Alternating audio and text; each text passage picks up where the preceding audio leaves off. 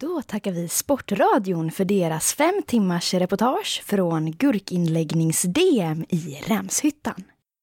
Och nu, Doomsday at Breakfast med Matilda Blomqvist och William C. Voxlin. Här på Feel Bad Radio.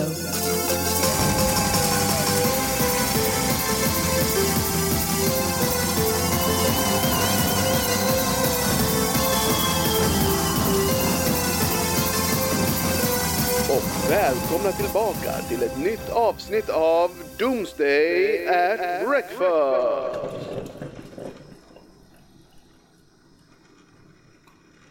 Välkomna till ett nytt avsnitt av Doomsday at Breakfast med mig Matilda Blomqvist och William C. Voxlin. ja, och idag ska vi prata om folkvett.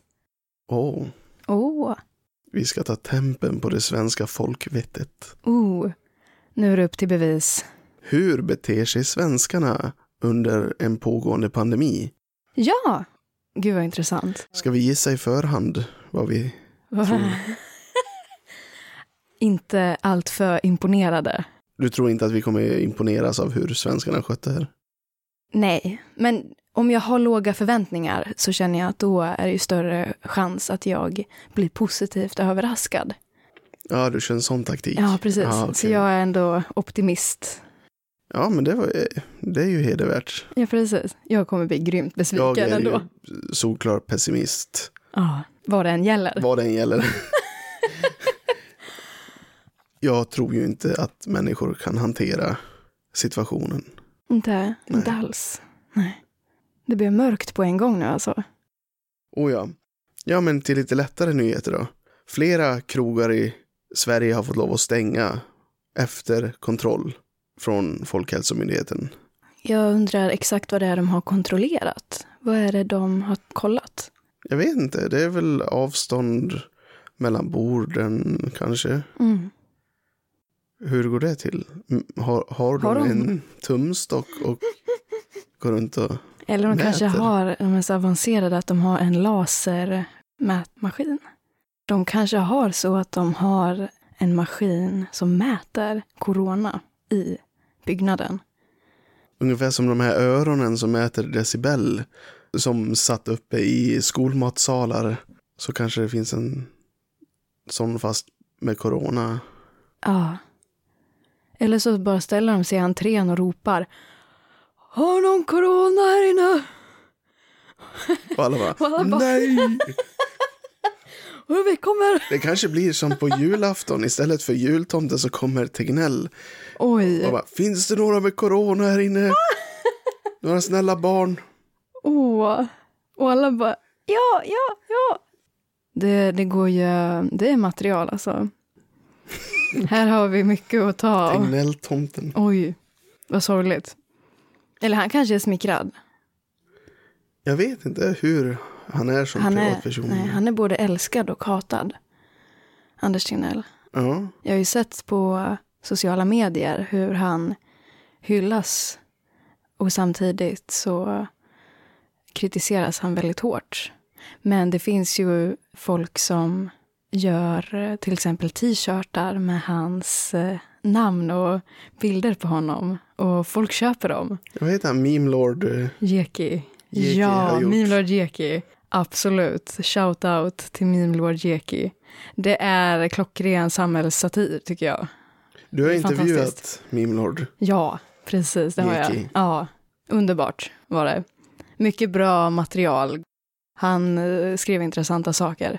Var det inte någonting i TV4 att eh, Per Lernström hade hållit upp en sån t-shirt Ja, men precis. Ja, den har spritt sig. utan att ge Cred. cred? Ja, det kanske han inte gjorde. Jag vet ju att SVT har ju tagit Meme Lord Jekis bilder tidigare och inte gett eh, cred. Så public service har Har snott ja, och suddat eh, ut, han, memes. ja, och suddat ut hans namn. Väldigt intressant. Nu har vi tyvärr inte SVT eller Meme Lord Jeki här i studion för att För kommentera. ingen kan försvara sig. Ingen kan försvara sig och ingen kan kommentera. Men ni får helt enkelt kolla upp det här själva och bilda er, er egen uppfattning om det. Den 29 mars 2020 så gick regeringen och Folkhälsomyndigheten ut och förbjöd sammankomster över 50 personer. Samtidigt så vädjade statsministern till svenska folkets folkvett. Jag tänker att folkvett förutsätter ju att det finns ett folk. Idén om att det finns eh, ja, ett folk och en nation. Och att det här folket har en inneboende vettighet. Och att eh, den här homogena gruppen besitter de här värderingarna eller liksom egenskaperna. Och den föreställningen, tänker jag, bör ifrågasättas, eller kan ifrågasättas. Själva idén om att eh, en sån stor grupp människor som befolkningen i ett land, att eh, generalisera på det sättet att eh, alla i landet besitter det här är felaktigt, att det inte liksom stämmer. Har det någonsin stämt? Precis, Eller är precis. det bara en, en... Det är ju en idé. idé, en tanke. Ja, ja. Och det är väldigt, eh, väldigt farligt att ha sådana idéer. För det förutsätter ju att vi svenskar har folkvett och vi är på det här sättet som inga andra är. Men att från början se sig själva, att se svenskar som en så här absolut homogen grupp stämmer ju inte. Finns det ens någon absolut homogen grupp i sådana samhällen som Sverige och ute i världen? Nej, precis. Nej, nej, det finns liksom inga grupper som har en homogen, att alla människor är likadana. Alla människor är inte likadana. Det finns alltid skillnader mellan människor. Och själva förutsättningen att vi i det här läget är likadana stämmer ju inte. V- vad tror du det gör under en pandemi att de tänker så? Jag tror att det är väldigt naivt. Jag tror att, eh, att de bemöter problemet med att vi på något sätt har ett sånt ansvarstagande som grupp. Att vi svenskar är, åh, vi är så ansvarstagande. För det är ju det man lägger på oss. Att alla människor kan ta det här ansvaret. Och det ser vi ju mycket exempel på att det stämmer inte, att alla kan det. Ja, jag har ju tagit med mig några artiklar som vi kan titta lite närmare på och den första artikeln är från eh, Dalarnas tidningar från den sjunde i fjärde och rubriken är Runt 300 ungdomar trotsade coronaförbudet ordnade motorträff i Rättvik. Omkring 300 motorburna ungdomar samlades för en motorträff i centrala Rättvik under helgen, trots det rådande förbudet mot allmänna sammankomster på över 50 personer. Deltagarna kom inte bara från flera delar av Dalarna utan även från angränsande län och utgjordes mestadels av ungdomar och unga vuxna, skriver polisen på sin hemsida. Och det är ju då flera dagar efter förbudet. Vad var, var fanns folkvettet här? Ja, men absolut. Det här, är, det här är ju vansinne. Det här är ju absolut vansinne. Människor, och jag tror det beror ju på att människor ser sig själva alltid som undantag mot den här regeln. Att jag som individ, att jag gör det här som jag egentligen inte får göra. Det gör ingenting, för det är bara jag. Jag spelar ingen roll i den stora bilden. Men när det är tillräckligt många som ser sig själva som undantaget så har vi ju ett problem. För då är det ju inte ett undantag längre. En annan artikel som kom ut eh, några dagar senare handlade om eh, påsktrafiken. Det var ju påsklov mitt uppe i allting här också och eh, polisen säger så här i Stockholm. Generellt sett har det varit mindre trafik den senaste tiden, men idag, då menar Anskär torsdagen, däremot har det varit betydligt mer än andra dagar. Vid 13-tiden var det långa köer på Norra länken och på E4 norr om stan i Stockholm. Så trots att statsministern och Folkhälsomyndigheten avrådde från att resa i påsk så var det väldigt många som gjorde det ändå.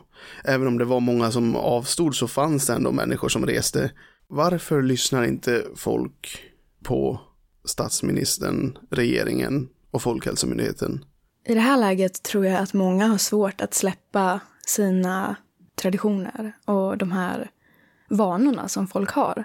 Att eh, åka till, men det är också helt förståeligt, att vilja åka och träffa folk, eh, och träffa familj och vänner, det är ju absolut förståeligt. Så det så här, känslomässiga är ju jättesvårt. Människor vill ju verkligen träffa varandra. Och vi vill ha våra rutiner och... Ja, absolut. Det är också de här mönstren, att vi lever våra liv i mönster. Att jag exempelvis jobbar och sen en vecka får jag åka från stan och då åker jag till min släkt här eller där eller vad som helst. Och sen åker jag tillbaka och sen jobbar jag. Och sen blir det sommar och så får jag åka iväg igen. Och sen så börjar jobbet igen. Och då det här att åka ifrån blir ju så viktigt. En annan artikel tar upp det här med att eh, uteserveringarna har börjat eh, blomstra upp i stan. Och eh, det här handlar om Stockholm, men vi har även sett här i Dalarna några uteserveringar som öppnat. Och rubriken lyder Fulla uteserveringar i Stockholm trots Löfvens tillsägelse och det är Aftonbladet som skriver det här. Förra helgen sågs restauranger öppna upp sina uteserveringar och många ställen respekterade inte reglerna om social distansering. Och det här fick statsministern att ryta ifrån. Men trots det så under skärtorsdagen så fylldes barstolarna upp och det var sol och fint väder och vi har ju sett videor på människor som är ute och, och förlustar sig. Vad tänker vi om det här? Att, att eh, det är så viktigt att sitta ute på en bar på skärtorsdagen. Trots social distansering, förbud. Jag tror att många vill sitta ute i det fina vädret och dricka något gott och ha det trevligt som vanligt. Grejen är att de förstår ju inte att det inte är som vanligt. Och att alla ser sig själva att, ja men jag, att jag gör det här, det spelar inte så stor roll. Men det blir ju att när så många gör det, det är ju då det inte längre är någon liten grej längre, utan det blir jätteallvarligt. Jag tror folk har så svårt att bryta sina mönster. Men varför är det så svårt att bryta mönstren? Nej men det är ju på det sättet folk lever. Folk bygger sina liv på ritualer och mönster. Finns det en trygghet i det kanske? Ja, absolut, absolut. Absolut att det handlar om trygghet. För det är också att många i Sverige, vet jag, klagar på att det, när det är vinter, att det är mörkt, man blir deprimerad, det finns ingen sol och man väntar och väntar och väntar på att det ska bli vår. Och att det nu är vår och att det är fint väder gör att eh, man tänker att nu ska jag få äntligen liksom min belöning. Att jag har stått ut hela vintern. Nu ska jag äntligen få gå ut på den här uteserveringen och dricka min öl. Och det blir så, det blir så laddat. Så här känslomässigt. Och om man inte får det, det blir ju betyda så mycket mer än vad man kan tro. Och så kommer vi till ditt favoritämne här, studenten. I en artikel så skriver de om studenterna i Helsingborg, och det är Aftonbladet, där ett um, meddelande på sociala medier har fått väldigt stor spridning. Och jag citerar Ingen fucking student ska bli inställd i Helsingborg. Låt oss fucka denna staden. Vi ska göra kaos och ha den fetaste studenten Helsingborg har sett.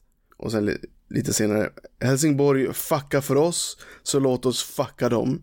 Vi alla som går i trean förtjänar den fetaste studenten och vi ska ta tag i det själva. Wow. Jag, när jag tog studenten, då var det ju absolut inte eh, pandemi.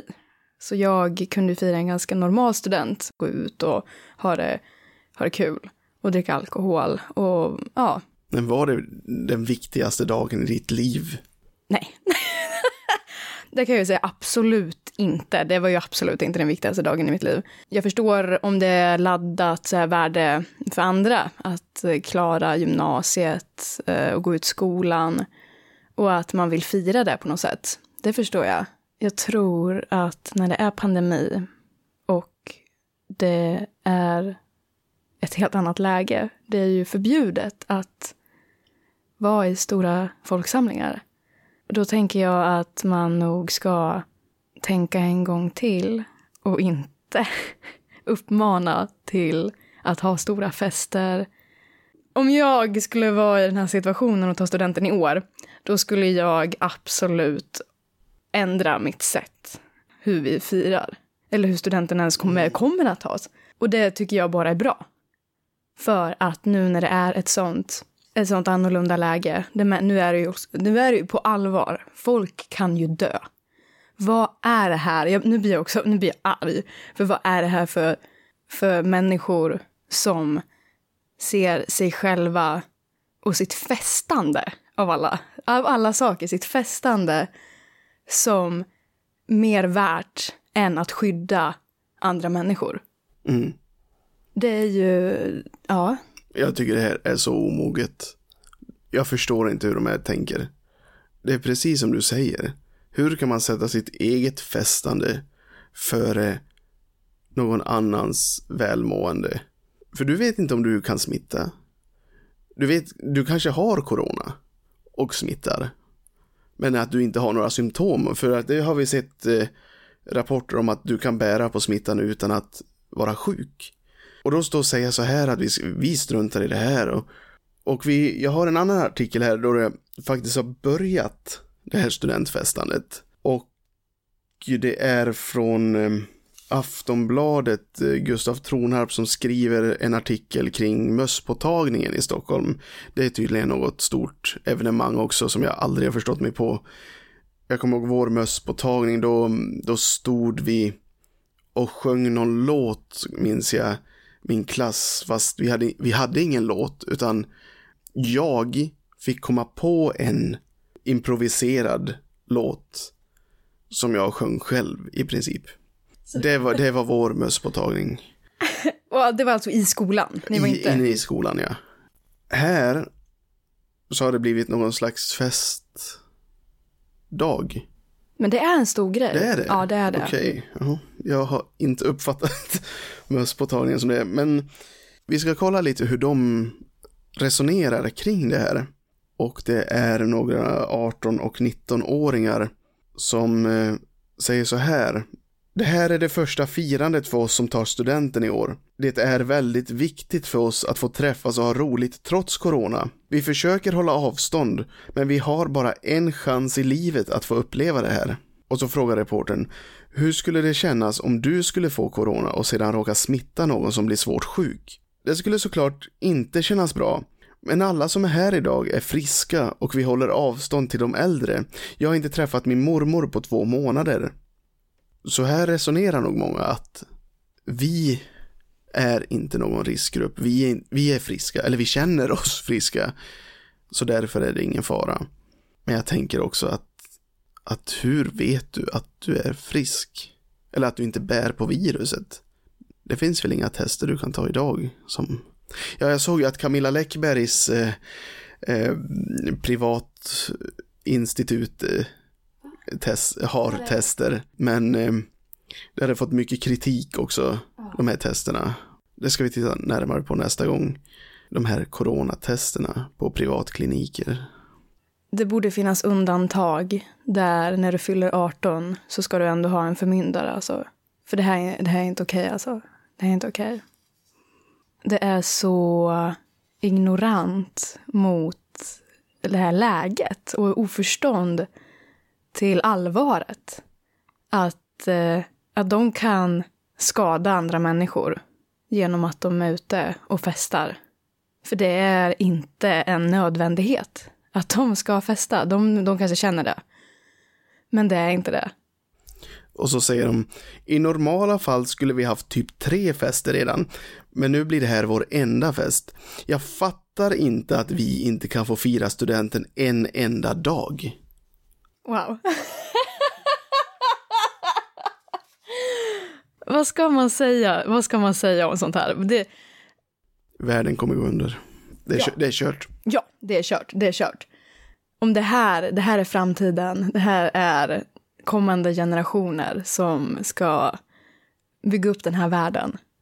Det kommer inte bli bra. Men tänk i framtiden om, om deras barnbarn en, någon gång frågar vad gjorde du under den här coronapandemin? För det är ju faktiskt en pandemi. Vad gjorde du då? Nej, jag var ute och festade med mina kompisar. Vad... alltså, det, jag, då kommer man ju skämmas så mycket. Nu är det också så här egoistiskt tänk, men det är ju nästan så man måste resonera. Att, för de, ja, det verkar vara väldigt egoistiska människor, det här. Att, hur kommer du känna i framtiden när kanske med tiotusentals dör?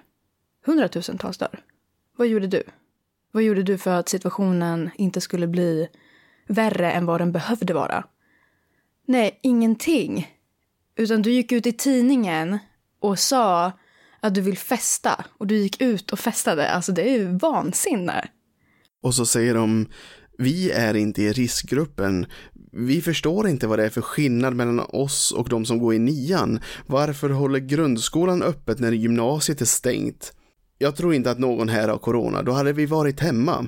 Och sen så ställer reporten just den här frågan, man kan ju ha corona med milda symptom och då riskera att sprida vidare sjukdomen utan att veta om det. Och så säger den här personen som intervjuas då, i så fall hoppas vi att vi redan har haft det så att vi är immuna. Om vi hade varit sjuka hade vi stannat hemma. Och så säger de också, det är bara unga som går ut. Du ser inga gamla som är här, eh, som är i riskzonen. Och eh, det här med immunitet är ju också en diskussion. För eh, WHO har gått ut och varnat för sådana där immunitetspass eftersom det inte är säkert att antikroppar ger immunitet. Hur... Och att människor liksom kan få sjukdomen igen. Jag tror att det, det saknas bevis. Ja, precis. Det, det, det, for, forskningen är ju inte där än. Ja. Det går inte att säga. Nej, det är ju för tidigt. Men de här gymnasieeleverna måste ju ha gjort e- egna studier alltså och forskat på det här och kommit fram till att det är säkert att de är immuna och att de har haft corona. Ja, de, har, de, måste ha, de måste ha fått sin doktorsexamen på en gång efter ja. gymnasiet. Eller de har inte ens slutat gymnasiet och Nej. de är, kan redan mer än WHO. Wow, det är fantastiskt.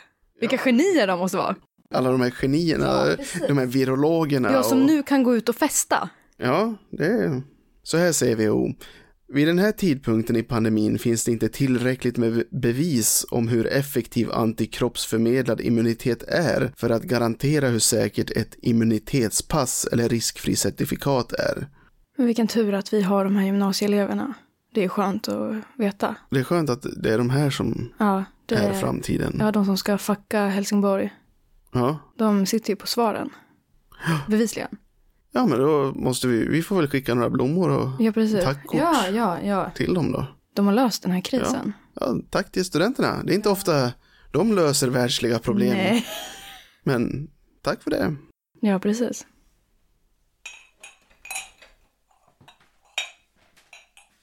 Ja, välkomna tillbaka till Doomsday at Breakfast. Och nu har jag fått in en gäst här i studion och det är konceptkonstnären Matilda Situation som är här i studion. Och Matilda, ditt eh, nya verk är ju väldigt speciellt. Eh, du har ju du har ju gått ut och sagt att hela pandemin är ett konceptuellt konstverk av, av dig. Hur förklarar du det här? Ja, historien börjar ju när jag slutade på Nyckelviken och började på Konstfack, Ädellabb. Och jag utvecklade den här idén under tio år då jag arbetade på ICA-lagret i Hägersten Sen så åkte jag till Wuhan och utförde uppdraget. Du har ju då fått eh, statligt bidrag för det här projektet. Hur, hur utformade du projektansökan för att sprida en pandemi som konceptuellt verk? Jag utförde en dans. En ormdans. Och eh, hur tycker du att eh, ditt eh, konstprojekt har har utvecklats under dessa månader? Jag har alltså planterat ett ekollon i jorden. Och det växte upp och blev ett hus. Och i det här huset bor mina tankar. Du har ju tidigare varit eh, landskapsmålare. Hur tycker du att det går ihop med eh, det här nya konceptverket eh, Covid-19? Jag arbetar alltså konceptuellt men utgick ifrån min inre bild av ett landskap även i detta verk. Du måste erkänna att det är ett väldigt långt steg från din akvarellmålning dansande katter i ett eh, skogslandskap till covid-19 pandemi. Människor är ständigt föränderliga varelser. Och jag är en människa. Så jag är ständigt föränderlig. Och jag har arbetat dag och natt för att förverkliga min vision om det här konstverket. Men det vill jag inte erkänna. Men det har varit mycket jobb bakom det här verket.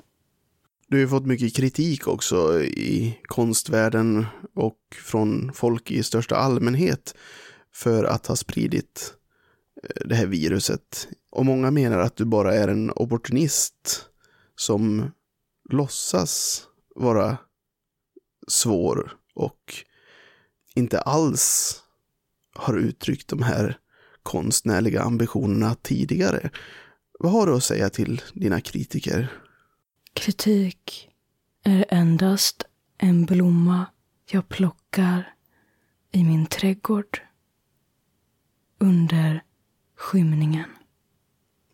Och slutligen så är det ju väldigt många som har dött på grund av ditt konceptuella konstverk. Vad har du att säga till de döda? Till de döda har jag mycket att säga, men det jag har att säga just nu är att jag inte har något ansvar över hur mitt verk har fortskridit efter min verkställan. De anhöriga har ju krävt att du ber om förlåtelse för det här. Att du kommer med en innerlig ursäkt. Vad tänker du om det? Vad är en ursäkt? Vad är en ursäkt i en värld full av förlåtelse? Ja, och med de orden avslutar vi intervjun med eh, konceptkonstnären Matilda Situation. Tack så mycket för att du kom. Det här är mitt arv. Jag har skapat den här världen. Ja, men nu, nu räcker det. Hej. Okej, okej, okej. Hej. Du, de här katterna. ehm, jag, jag får inte det här att gå ihop riktigt. Vadå? Katt... Ka, aha, katt... Katterna. Ja. Jo, jag känner inte till... var, var, varför ändrar du rösten när, när du pratade i mikrofonen? Va, va, vadå? Va, va? Men du lät ju helt annorlunda Ja. när, vi, när jag Nej, intervjuade nej, dig. nej. Nej, nej, nej. Ka- jag tjä- ja, ja, du vet ekonomiskt. Jag tjänar inte tillräckligt mycket på katterna. Så, Så därför så smittar du hela jordens, jordens befolkning. befolkning och människor dör. Ja, ja. Ja. Ja. Jag har inget samvete. Men det har ingen annan heller. Vi spelar fortfarande in. Va? Nej men. Det här. Jag, vart är min advokat? Ja, Jag vill prata med min advokat. ja det, det var allt. Stäng av, stäng av.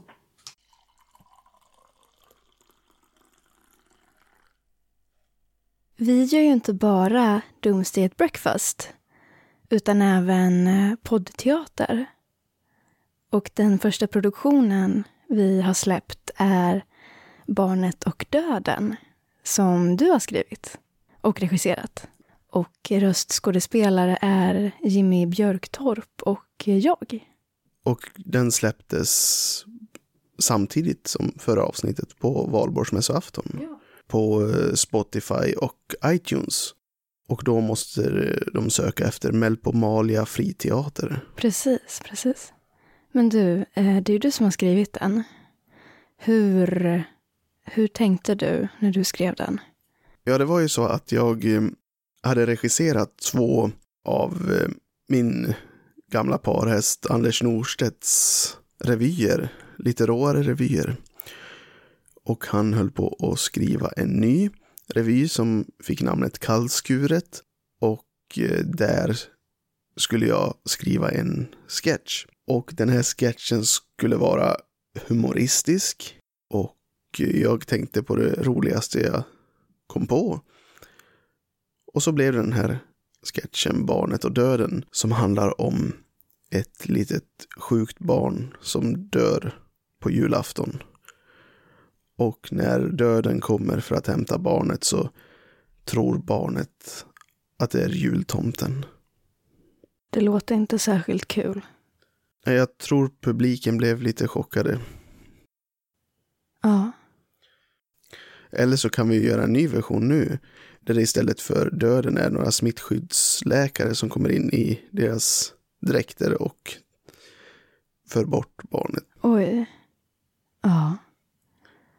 Men eh, vad händer i pjäsen? Ja, det har jag ju sagt att ett Jaha. barn är sjukt och eh, följer du punktmanus nu? Ja. Ja, okej. Är Inga spontana frågor. Eh, Okej, hur... Det är lite som Joe Biden i hans, eh, de här webbsända eh, frågestunderna. De är pinsamma. när han, eh, han svarar genom att läsa svaren på teleprompton som han har. Ja, ja. Och eh, det blir väldigt konstig stämning. Ja. När svaren inte hänger ihop med frågan. Ja, som nu ungefär. Ja, men så, ja. Det här kan vi inte ta med. Jo, det är klart vi ska. Okej. Okej, jag har en till fråga. Är Barnet och döden ett eh, typiskt exempel på det du skriver? Eller sticker den ut på något sätt? Den sticker ju ut i den bemärkelse att den är skriven som en komedi. Jag brukar inte skriva i syfte att det ska vara roligt. Men där försökte jag verkligen att komma på det roligaste jag kunde. Men det blev ganska mörkt. Vi ska ju inte avslöja någonting nu för de som inte har hört. Men jag kan ju säga att den slutar inte särskilt lyckligt. För vem? Alla. Jag tycker nog att barnet, eh, det blir så som barnet vill att det ska bli. Ja, det är ganska intressant i slutet faktiskt. Det har du rätt i. Det blir lite, det blir lite omkullkastat. Men vi har ju fler poddteatrar på gång. Ja. Till exempel eh, Möte i parken. Som är en mycket äldre kortpjäs som jag har skrivit. Mm. Och jag håller ju på att skriva ett eh, poetiskt dramaverk också som grundar sig i några diktsamlingar som jag gav ut för länge sedan. Där dikterna har blivit eh, repliker. Och den pjäsen kommer heta Mot Nadir. Ja, vad är Nadir? Motsatsen till Zenit. Okej, okej, så istället för rakt upp så är det eh, rakt, Rakt ner. rakt ner. Det är inte en komedi. Det lå- ja, Men sen det stora verket är ju det, den nya stora pjäsen Mm. som vi håller på att repetera nu. Och det är eh, en pjäs som heter Ingenting väsentligt har hänt. Ja. Och den handlar ju om pandemi och Eh, att sitta i karantän. Det var ju meningen först eh, när vi tänkte på att göra en ny pjäs så var det ungefär i slutet av förra året tror jag. Och då var det ju inte någon pandemi. Så därför satte jag mig ner och började skriva en pjäs om kannibaler och inspirerat av bland annat eh, Issei Sagawa. Men så kom ju pandemin och Då la jag undan kannibalpjäsen till ett senare tillfälle och började skriva på den här eh, karantänpjäsen redan när coronan spred sig i Kina. För jag, jag har ju ett visst intresse av att sitta och nörda ner mig ordentligt i katastrofer. Så jag har en väldigt bra koll på allting hela tiden. Det är nästan maniskt. Är det, ett det är ett intresse du har alltså? Skrämmande särintresse. Ja, Katastrofer, epidemier. Jag har ju en hel boksamling full med böcker om epidemier och virologi. Och... Fascinerande. Så då kommer karantänpjäsen Ingenting väsentligt har hänt. Det kommer till sommaren. Ja, och om ni vill höra Barnet och döden så gå in på Melpomalia på Spotify eller på iTunes. Så finns den där. Melpomalia friteater. Ja, precis.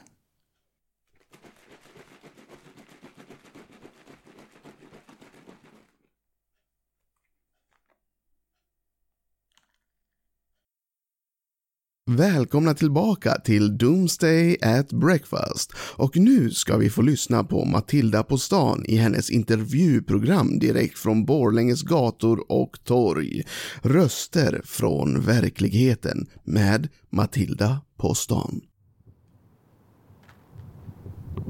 Hej och välkomna till ännu ett program av Matilda på stan. Journalistik ifrån verkligheten. Jag står alltså nu i Bålänge på Wallintorget. Det är folktomt, kanske på grund av den pågående pandemin. Jag ser inte en själ. Jag ska gå runt och se om det finns någon jag kan intervjua.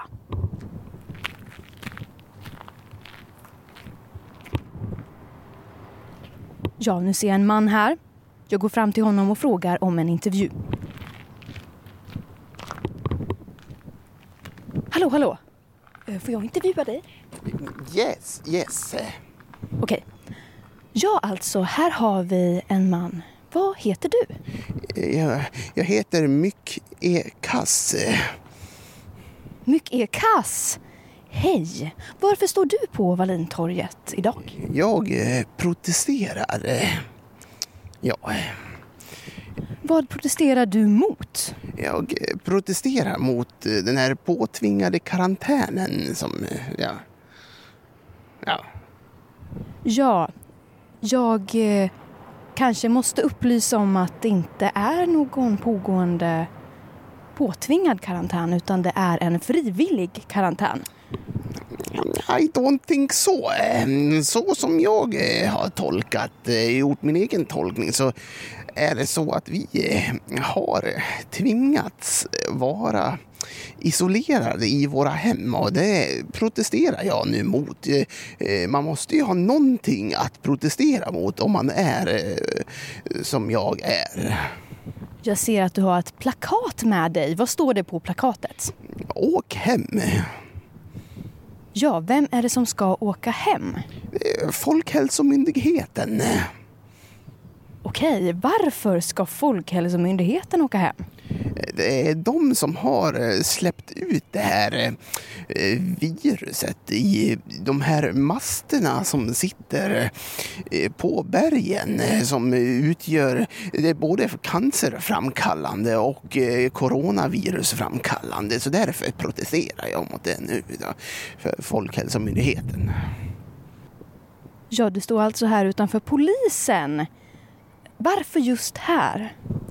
Eh, eh, vad, vadå? Jag står här vid Folkhälsomyndighetens högkvarter och eh, vad, vadå?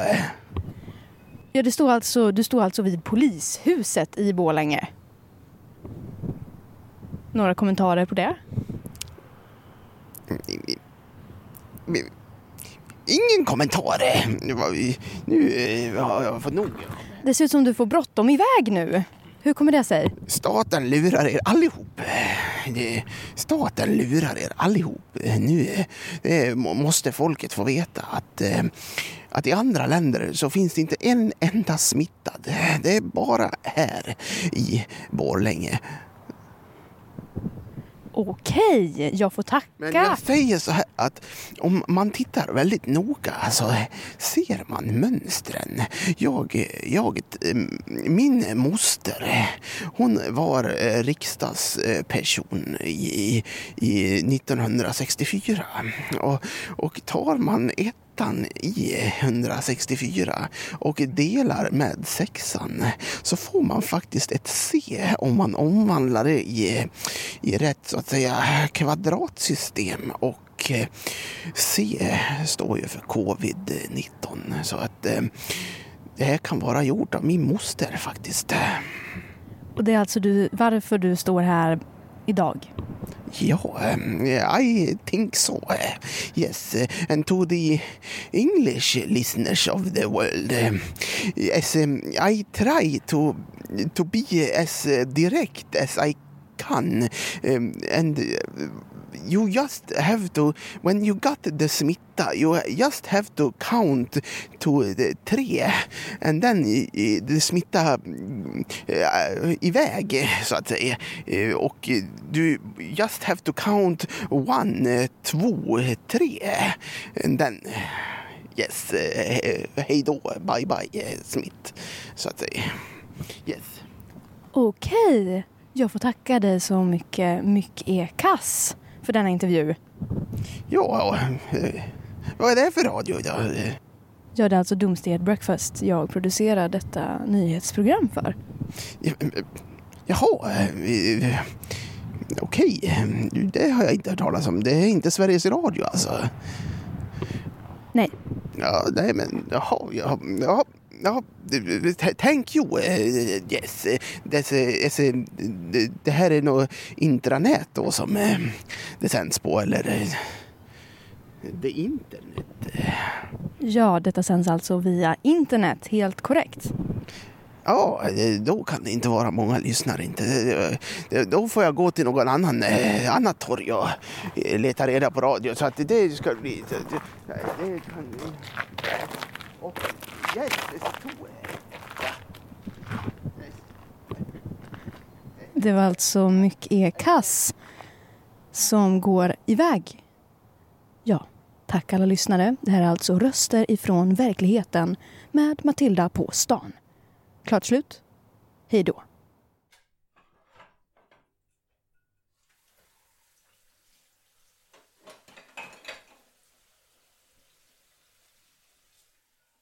Här hade vi tänkt att ha en annan avslutning på avsnittet.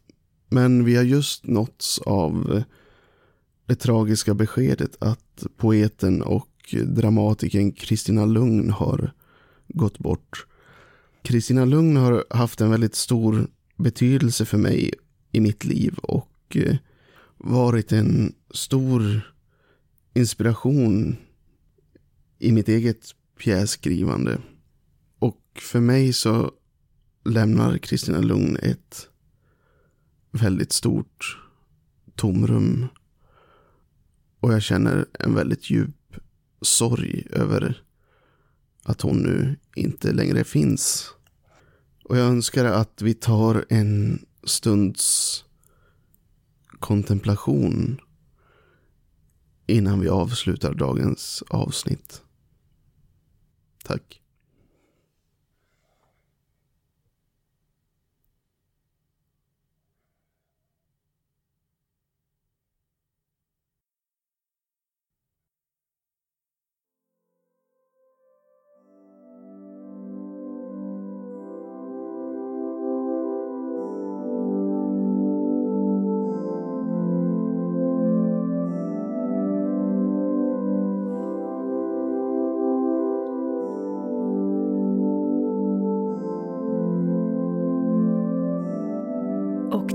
Allt från Doomsday at Breakfast med Matilda Blomqvist och William C. Voxlin. Om du vill stödja programmet, gå in på deras hemsida www.melpomalia.se för mer information. De finns även på Facebook och Instagram under namnet Melpomalia. Och nu, nyheter på fiktionella språk. Idag på Klingon. Här på Feel Bad Radio.